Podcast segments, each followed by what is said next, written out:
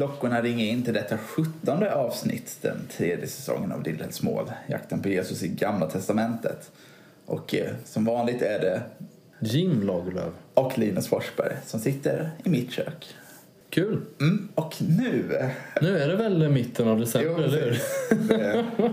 Har mjölkat det konceptet i veckor nu. Ja. Känns det att julen närmar sig? Ja, men nu börjar det väl ändå göra det. Det är ungefär en vecka kvar tills jag åker, åker till Jönköping. Eller inte till Jönköping, jag åker, för, jag åker först till Lund några dagar. Sofies eh, mamma bor där nere. Så vi ska vara hos henne några dagar och sen åker vi till Jönköping och Just fira det. jul där hos min familj. Mm. Och så ska jag även, I Barnarp. precis, och där ska jag även predika och leda lite gudstjänster. Julottan Ja. för andra året idag. Fint. Ja, det ser, det ser jag fram emot. Det blir bra. Har du kommit in i julstämning? Känner Ja. du din inre Gustav Reinfeldt? Ja, nej, det gör jag inte för att... mm. Ja, nej, men vet du, en grej som jag uppskattar med, med just advent, det är ju det som advent inte betyder, det här med vänta. Jag, jag gillar ju lite grann förväntan. Jag älskar egentligen förväntan. Ibland så säger, du vet, folk säger så här, det kan vara ett, ett vinnande koncept att ha låga förväntningar på någonting. För då blir man ju inte besviken då när det där väl inträffar sen och det inte blev lika bra som man trodde. Men jag tycker så här, gå omkring med riktigt höga förväntningar och njut av förväntningarna som du liksom går omkring. Och sen får du se, ta emot livet som det kommer. Men jag tycker det är härligt att gå omkring. För- Och just nu tänker jag så här, det här kommer bli en riktigt, riktigt bra jul. Åh, vad härligt det ska bli. Det, där är jag. Och jag njuter av att tänka så. När det inte är jul då än. Ja, men precis. Ja, men jag, känner också, jag tror också att det blir en riktigt bra jul. Mm. Och framförallt så, vi pratade om det för några veckor sedan, så här, när det är jul, julafton, juldagen, från oktober om man är Gustav Reinfeldt. Ja. Men jag framförallt känner att det här kommer bli en riktigt bra julafton. Ja, Och det är för att jag ska inte jobba den här julafton. men just det, hade just det. Det var splittrat förra gången. Jag precis hade jag två Det kommer jag ihåg. gudstjänster och det var jättetrevligt. Mm. Men jag märkte att jag var hela tiden också på högvarv. Jag liksom kunde aldrig riktigt landa i att det är julafton. Det var liksom upp, iväg, sen så stressa liksom så här hem och umgås med familjen någon timme, sen iväg igen och sen tillbaka och så hade några åkt, några hade kommit. Så jag, märkte att jag var, jag var lite splittrad den dagen. Så nu blir det mera sammanhållet kanske. Mm. Ja men precis. Karl-Bertil Jonssons julafton och allt. Nej, inte? Nej, jag tror vi sa det förra året också att jag har ju aldrig sett Karl-Bertil. Jonsson.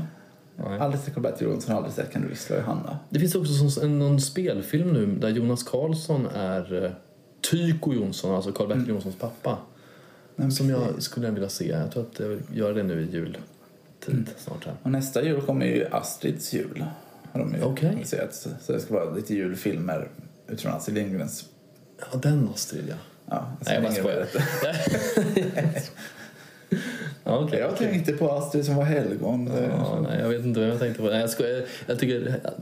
Det behöver inte, det, det, jag vill inte ha fler hatbrev höll jag på att säga. Nej, men, det, Om man känner mig så vet man att jag är lite trött på Astrid Lindgren. Okej. Som någon typ av nationalhjälte, för det är hon inte tycker jag. Men hon har skrivit några bra böcker och några lite konstiga böcker. Ja, nej, vi, vi lämnar det där. Ja, det är lika bra. Jag märker att jag blir nervös. Nej då. Ja. Jag tänker vi ska prata om någon som vi båda gillar mer än Astrid Lindgren. Mm, no, det finns ju många faktiskt. Ja, precis.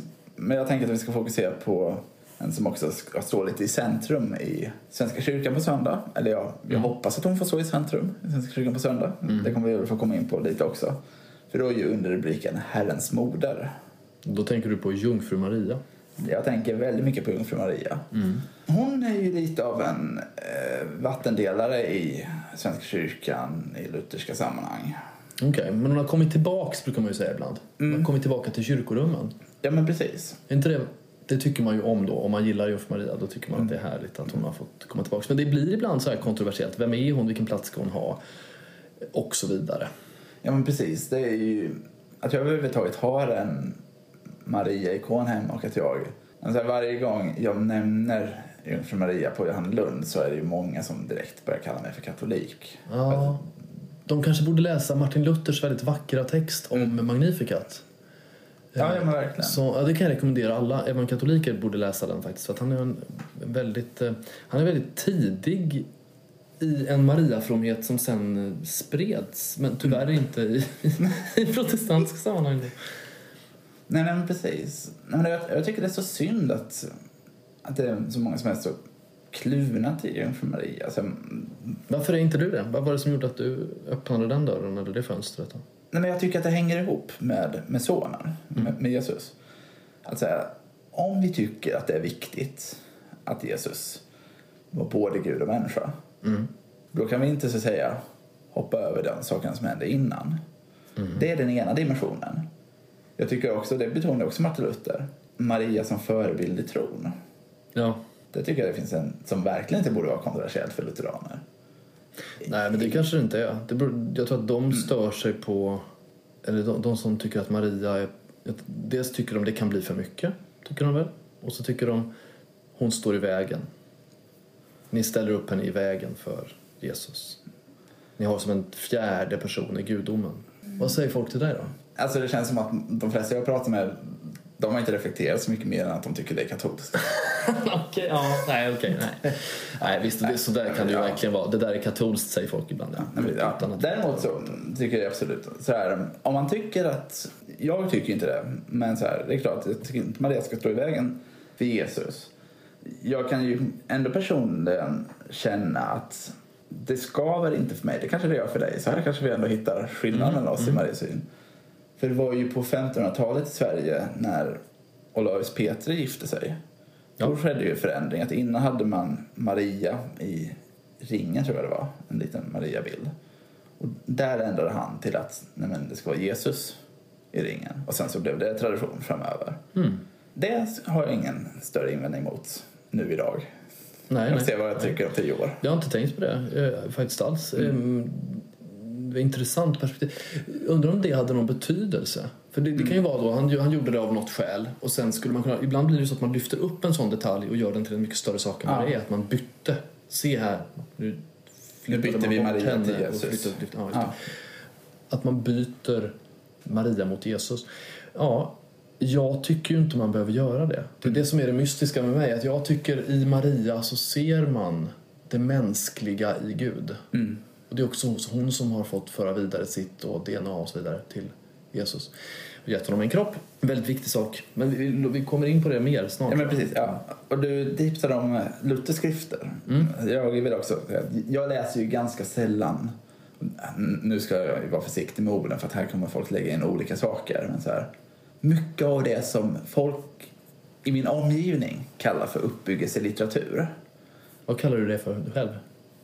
Nej, jag skojar. Ja, Jag skojar. ja, nej, men så här, mycket av den tycker jag, har jag personligen, blir inte jag tilltalad av. Oj. Men det, Jag blir så otroligt nyfiken, förstår du. Ja, Vad ja, är det ja, för några ja, böcker? Men det, ja, ja, nej, vi men jag- är på väg till det. Mm, Alltså, okej, för att mycket av det tycker jag blir lite för mycket av liksom, vad betyder det här för mig? Och sen så liksom blir det mer av ett flexande, kanske lite raljant ord. Ja. Men det blir liksom så här, jag var med om det här och vad glad jag blev. Nu ska du också bli uppmuntrad av det här. Och, Ja, okej. och jag känner, ja, men Vi bad en gång och då, fast vi inte hade så mycket bensin i tanken och så plötsligt så fick vi det och då... Ja, nej men Hela vägen Ja. Och jag blir inte uppbyggd av det. För att jag känner att det här liksom, kopplar inte an till mitt liv.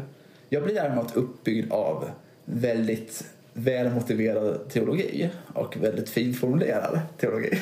Jag gör tummen upp med Ja. båda mina tummar här nu. Ja. Och det där är så här, så att om jag ska säga att jag har läst någon uppbyggelselitteratur i år skulle jag säga att det är Lumen Gentium när man beskriver Jungfru Maria. Och det är ju ett dokument från Andra Vatikankonciliet Mm. på svenska heter Folkens ljus. Mm. Men precis. Det handlar om kyrkan. Mm. Mm. Så det, det dokumentet, och framförallt om Jungfru Maria, annat också där var, var intressant. En del höll jag med om, en del höll jag inte med om. Men, Som sig bör. mm. Men framförallt beskrivningen av Jungfru Maria, Mm. den tyckte jag var väldigt, väldigt träffande. Kanske någon detalj jag, jag inte riktigt har omfamnat, men i stort skulle jag säga. Så där rekommenderar jag också även det. lutheraner att läsa det. Jo. Kommer jag få ännu fler brev om att jag är katolik nu. Ja. Din, din eh, e-postkorg blir full av folk som vill kanske övertyga dig om att änd- ändra dig nu Precis. rätt, rätt till det. kommer en vän som skickar den här eld-emojin för att säga nu ska du in i skärselden. Nej, ja. Ta ett varv till innan du kommer in i himlen. Ja. Ja, nej. Men jag, nu är jag nyfiken. Vad ska du läsa i Romersk-katolska kyrkan på söndag? Fjärde advent. Herrens moder i... Jesaja 7. Eh,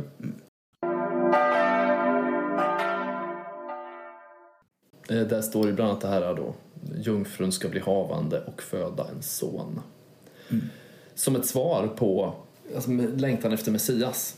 Då ska en jungfru bli havande. Och det är klart, det, man kan reflektera över vad det är som Jesaja försöker säga där. Man kan ju tänka, man känner ju till olika så här legendariska berättelser om när kungar föds och när, jag menar hela Jesajas retorik handlar ju om att omöjliga saker ska liksom teckna vägen för Messias.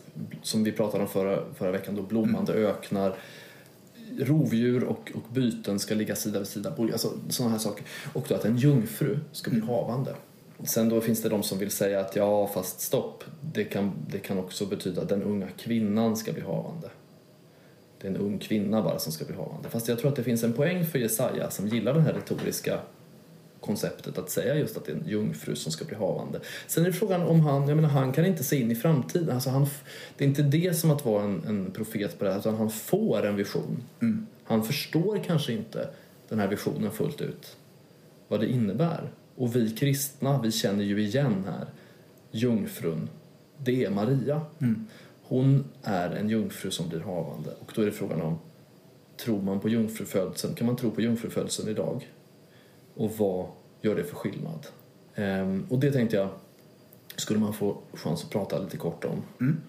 Alltså, uppfattar du att jungfrufödseln är kontroversiell i vår tid? Bland troende människor? Inte bland dem jag samtalat med om det. Nej. Sen så var det ju... Eh, men det har ju varit lite diskussioner kring det. Mest, och där, mm, där var inte jag involverad så jag vet inte hur mycket det var liksom, vad som faktiskt sades eller vad som uppfattades. Men det blev en del skriverier kring det har jag läst när, inför förra ärkebiskopsvalet vid någon av hearingarna. Ja, att, eh, då hade det i alla fall, jag säger uppfattats, inte som att jag tar ställning vare sig för eller emot, men det hade uppfattats som att eh, Antje Jackelén vacklade i frågan. Hon ville problematisera det lite grann tror jag. Hon ville säga att eh, den biologiska dimensionen står inte, alltså den vetenskapligt biologiska dimensionen står inte i förgrunden för henne. Utan hon tänker i första hand på andra sätt om jungfrufödseln. Och då var det många som ville påpeka att, att ibland så spelar det biologiska roll. Om Gud vill göra en poäng, då krävs det att det har hänt. Ibland är det så. Ibland, ja, det är inte alltid så. Ibland kan en bild fungera som bild. Men om Jesus till exempel säger tag och ät, detta är min kropp. Men han menar inte att det är hans kropp. Då är det frågan varför han tar till en sån drastisk och faktiskt då en bild som människor ryggar inför och drar sig tillbaka inför. Det står ju i Johannesevangeliet att när människor hörde att Jesus pratade på det här väldigt obscena sättet att ni ska äta mitt kött och dricka mitt blod, att de går därifrån. Eh, De vill inte höra. Det är, säga, det är outhärdligt det han säger. Och om man har som idé att jag vill locka människor närmare mig, varför säger man någonting som skrämmer bort folk då? Det verkar framstå som onödigt. Man kan ju säga, man kan ju säga andra saker istället. Man kan använda andra bilder och sådär. Och det är samma sak med jungfrufödseln. Vad är poängen med den om det skulle vara en bild? kan man fundera på. Vad skulle det vara en bild av? Ja, nej men precis. Nej, men jag, här tänker vi som, som har hänt förr, ganska lika. Nej, Men jag, jag tänker ju också att den, men som du säger, det blir en, men någonstans det blir en annan teologi om vi gör det till en bild och inte till en faktisk händelse. Jag försöker snabbt, snabbprocessa vad det blir för teologi av om det ska vara en bild. Dels kan det ju handla om vem Jesus är, eller hur? Alltså om, om det inte har skett en verklig jungfrufödelse utan att, så att säga Josef eller någon annan är pappa till Jesus. Någon annan i så fall då kanske. Eh, någon okänd person. Kanske en våldtäkt eller något annat. Eh, Ja, visst, alltså det ska man diskutera att det vore skamligt och så, men, men det är inte det som är min poäng här utan vem är Jesus då? Är han eh, Guds son då? Mer än vad jag eller någon annan är? Blir han adopterad som vissa menar i dopet? Han blir adopterad när han döps och säger ju rösten från himlen detta är min älskade son, lyssna till honom.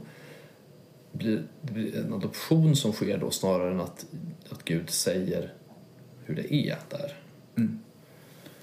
Och, och då i så fall, vad skiljer Jesus från mig eller någon annan? Och då finns det en poäng med att vissa kanske skulle säga att det, det skiljer ingenting. Det finns inte heller en poäng med att det ska göra det.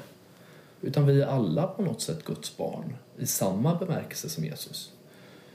Det verkar i alla fall inte som den tidiga kyrkan tänkte så. Nej, Nej men precis. Nej, men jag tänker också... Jag, jag minns att jag för något år sedan skrev, ett, skrev en promemoria om Augsburgska om Jesus och grävde också in lite om jungfru Maria i den. Okej, en, en ganska kort parentes, men som jag ändå kände kändes viktigt för mig att ha med. Det är också så här, men, vad gör det med bilden av, av Gud som fader och Gud som också, vad ska man säga, omhändertagande, generös om man inte tänker att det skedde en jungfrufödsel utan att på något sätt Gud adopterar sen. Och någonstans lite krasst skulle man kunna säga att då blir bilden av att Gud stjäl ett barn från någon annan. Så Mm. Gud så att säga snor till sig ett faderskap Ja, som någon annan har haft. Intressant perspektiv. Ja, det har jag alltid tänkt på. Och jag tyckte att för mig började den bilden i sådana fall skava Intressant. ganska mycket. Mm. Mm. Att liksom säga, men nu, nu har du blivit pappa. Och sen så kommer Gud bara, Jim, Mm. ditt barn här. Ja. Jag tar det. Nu är du inte pappa längre. Nej, det blir lite mer som att full, fullborda det här med Abrahams offer. Mm. Att eh, Gud ska ha det där barnet. Blir- Ja, men så för mig skav det. Och det var också en sån dimension som gjorde att jag kände, men här blir det också viktigt då att, att det är en jungfrufödsel. Mm. Gud så säger inte, Det är också på ett sätt den nya skapelsens början, brukar man ju påpeka. Och ibland så...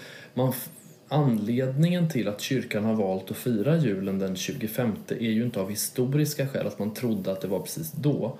Utan grejen är att man tror, man, man tänkte eh, filosofiskt, teologiskt, att när Jesus blir till i Marias mage, det är den första vårdagen, alltså den 25 mars. Mm. Det är den första vårdagen, så som man såg på det i antiken. Mm. Den första dagen i, den ny, i nyskapelsen, Mm. där träder Gud in i världen. Och på något sätt, i Johannes evangeliet så talas alltså han anknyter ju till skapelseberättelsen, att ordet blir kött och i, i begynnelsen fanns ordet och nu blir ordet kött liksom. Nu blir Mm. ordet, får en kropp. Och det är också mycket det, jag tycker att den kroppsliga dimensionen av kristendomen som jag försöker påminna om i många sammanhang, den, den, Maria hjälper oss mycket med den och man ser Ibland så kallar man, i, i liturgin i katolska kyrkan så säger man att Gud är det heliga i de heliga. Mm. Alltså man kan inte vara helig på egen hand eller göra något gott på egen hand utan allt gott och allt heligt det är Gud. Mm. Det är av Gud i mig. Och som Dag Hammarskjöld säger, inte jag men Gud i mig. Va? En väldigt central sak. Och jag tror att om man kommer in i en katolsk kyrka någonstans och liksom var är Jesus någonstans men man bara ser en stor Maria-staty över altaret och ett litet krucifix kanske då tänker man det är ju bara Maria, Maria, Maria men var är Jesus? Var är Jesus? Jo, jo, men i det heliga ser vi den helige. Gud gör, ger sig till känna genom alla sina helgon. Och det är faktiskt en inbjudan till alla, som, vi som inte är helgon än. Du kan också bli ett helgon. Du kan också vara som Maria. Du kanske inte kan föda Guds son fysiskt på det sättet. Men på något sätt kan han få födas i ditt hjärta genom ditt ja till honom. Till hans vilja i ditt liv. Låt det ske med mig som du har sagt, som Maria säger. Och så kan du liksom försöka bli som en Maria. Och då återknyter vi till det som du sa förut, att Maria som förebild i tron. Mm. Ja, men precis. väldigt central. Ja men verkligen. Det här att våga, att våga säga ja. Mm. Och att våga lita på att jag har inte koll på det här som kommer ske nu. Men Gud har koll. Mm. Och om Gud säger låt det ske. Vem är jag att säga emot? Mm. Framförallt varför skulle jag vilja säga emot? Nej, precis. Alltså, om, om man förstår att det är Gud och om man litar på honom då kan man ta ett steg utan att veta vägen riktigt precis hur den ska bli. Mm. Och sen eh, så tipset från mig då till, till er som vill leva evangeliet den här veckan det är faktiskt att eh, läs eh, den texten som finns i Johannes evangeliet om bröllopet i Kana Mm. och Marias roll där.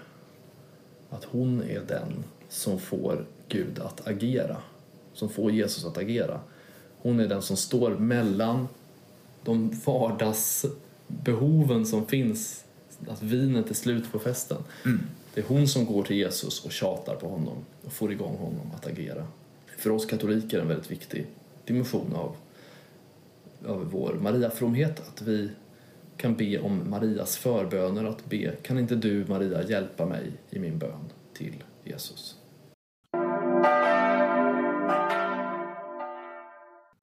Med det så rör vi oss vidare till, till Svenska kyrkan. Mm. Och vi fortsätter i Jesajas Ja, det fotspår. ännu mer nu. Mm. Det ännu mer Jesaja. I Jesaja 52, verserna Mm. 7 till 10. Inte lika tydligt Mariabudskap som, som i texten i romersk-katolska kyrkan. Nej. Men vi är bra på att hitta Maria. Så att det, Mhm. det ska det vi ska göra. spännande att se vad du hittar på. Ja.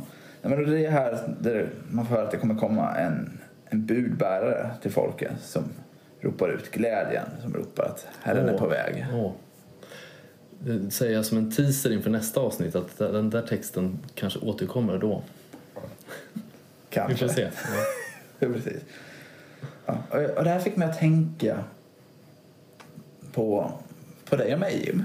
Mm. Och människor i vår tid som jag tänker att du och jag får vara lite representanter för Ja. här och nu. Mm. Om vi, den här budbäraren skulle komma till oss nu idag, Mm. Ropa ut att så här, nu är Herren på väg i våra öron, så här, Herren på väg tillbaka skulle vi kanske till och med kunna lägga in som Ja. ett litet ord. Ja. Hur hade vi tagit emot det här? Det stormar in här och nu, så här, direkt efter podden är Oj. avslutad. Ja, du, så vet du vad jag känner direkt? Tyvärr då, så tror jag att jag skulle tänka att nej, nu får du lugna ner dig lite. Mm. Eh, för att Jesus säger ju ibland om det här med tiden och, och eller tim- timmen känner ingen, bara Fadern och allt det här. Så ibland just, just när människor försöker peka ut nu kommer han, då ska man vara lite... Men det är klart, om det är, om det, är det, om det är så att jag också märker att precis nu det blir solförmörkelse eller någonting, att man liksom förstår att det, då hade jag nog blivit helt... Ja, vilken, vilken grej det hade varit. Jo, ja men verkligen. För att, jag, för att det som jag börjar fundera på är hade vi, så här, om vi inser så här, han kommer, vi kanske har, vi kanske har lite, lite tid kvar. Ja. Men nu börjar det så här.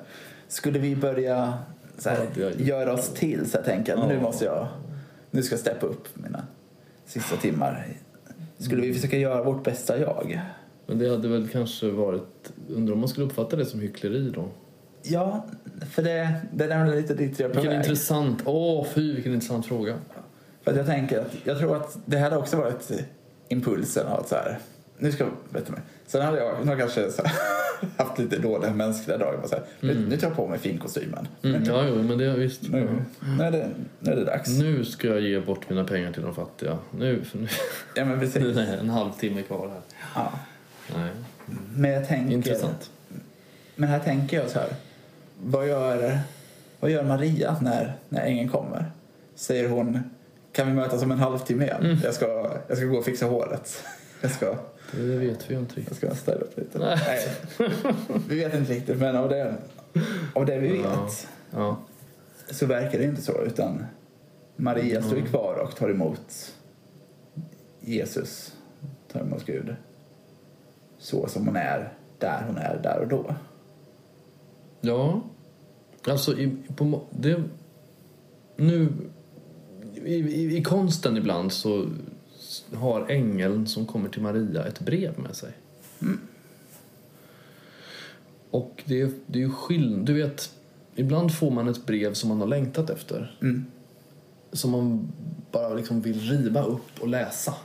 Men det är inte läge just nu att göra det. Jag måste först, jag kanske får brevet på jobbet eller någon annanstans.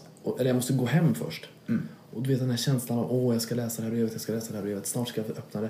Och man vet inte exakt vad som ska stå men man hoppas på ett, ett visst budskap. Mm. För jag tror att Maria på något plan är beredd alltså. Det, det är jag helt säker på att hon, hon Ängeln kom inte på henne, till henne på måfå liksom utan hon Mm. var verkligen utvald i förväg och så. Men det, det kan det är en intressant känsla, man kan förstå lite grann Marias känsla då på något sätt. Jag tror att hon blev, även om hon också blir förvånad och förstår inte riktigt budskapet så tror jag att det är en väldig förväntan Mm. kan jag föreställa mig. Apropå nu när du ställde Ja. på det här sättet så fick jag den känslan.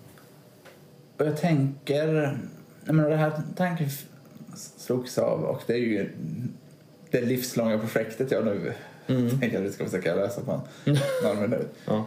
Nej, det, det förstår jag att det inte riktigt går. Mm. Men jag tänker tanken att kanske, och det, det pratade vi om förra veckan också, om att lära oss uppskatta hur det kommer att vara i Guds rike. Mm. Och att vi har kommit tillbaka så mycket på det, till det i podden, att förbereda oss. Att kanske är det viktigaste, eller bland det viktigaste, så jag öppnar upp för fler saker. Nu, Mhm. nu vill jag Mm. Det är nyanserat. Ja, nu, ja, precis. Nu vill jag inte vara auktoritär. Nej, Men bland det viktigaste kanske ska vara att när vi får budskapet att nu kommer Jesus tillbaka, Mm. att vi med våra liv ska vara så pass ändå förberedda för det. Att vi inte blir stimmiga, att vi inte börjar vidta panikåtgärder. Utan att vi, vi sitter kvar här vid bordet, Jim, och så Mm. väntar vi tills Jesus kommer hit. Pratar lite så länge. Det är fantastiskt. Det, det här tycker jag, jag tycker det kan vara verkligen värdefullt att liksom meditera över den här typen av liksom, situationer. Jag, jag, jag tänkte mycket för några år sedan liksom lite mer slentrianmässigt tänkte jag det typ så här, skulle Jesus kunna komma ikväll? Är jag beredd ikväll? Mm. Alltså inte för att jag ville dö, inte för att mitt liv var dåligt utan är jag beredd? Mm. Det var liksom en, en vett, för mig tyckte jag, nu tänker jag inte så, så jätteofta nu, men då tyckte jag det var en bra kontrollfråga liksom. Mm. Och ibland, apropå ehm, att tänka så här, hur ofta känner man sig riktigt levande och närvarande? Det gör man inte alltid. Man, mycket går på rutin, mycket måste man göra som man egentligen inte tycker är så kul. Men de gånger som man liksom anar ja, men, livets puls eller det rikt, riktiga livet eller så. Det, det är det som kommer liksom skölja över en när Jesus är i närheten tror jag. Mm. Och det är det som Guds rike är också. Och som Maria kanske då hade förberett sig. På, på, jag vet ju inte hur hon, hon kan ju inte vetat överhuvudtaget hur, vad förberedde jag mig på. Men om man umgås mycket med Gud på det sätt som man redan känner till, inte minst i bönen, Mm. bibelläsning, bön, goda gärningar. Jag menar, då ska man kanske ta emot honom som en kär vän som kommer och inte Mm. som en främling som man är rädd för eller orolig för eller vill göra sig till för. Jag tror att det ligger mycket i det. Och eh, det är kanske det som ska vara hur man lever den här texten den här veckan. Att eh, ställa sig frågan om jag är beredd att ta emot Jesus som en, som en kär vän. Eller skulle jag vidta hans åtgärder? Mm. Och jag tror att de allra flesta, både du och jag också här, skulle, Mm. säga, skulle nog i, idag kanske många lägen känna att vi vidtar åtgärder. Och att låta livet bli en process till att mer och mer vara beredd att ta emot Jesus som en nära vän. Och det löser vi inte på en vecka, men vi kan börja den här veckan. Om vi inte redan har börjat. Vi har redan börjat för att vi... Börja Ja, inte det- för sent bara. Nej, Nej då. Alltså. Ja, Nej, men det är bra tycker jag. Jag gillar ju att tänka sådär. Mm. Eh, Att det faktiskt är, det är det vi har livet till. så det vill jag skicka med. Och sagt, vi löser det inte på en vecka, men vi kan använda den här veckan till att ta ett litet kliv. Och om en vecka, då är vi tillbaka igen. Då blir det utvärdering. Nej. Förhör. Nej då. Ja, men vi hörs igen om en vecka. Allt gott. Hej då!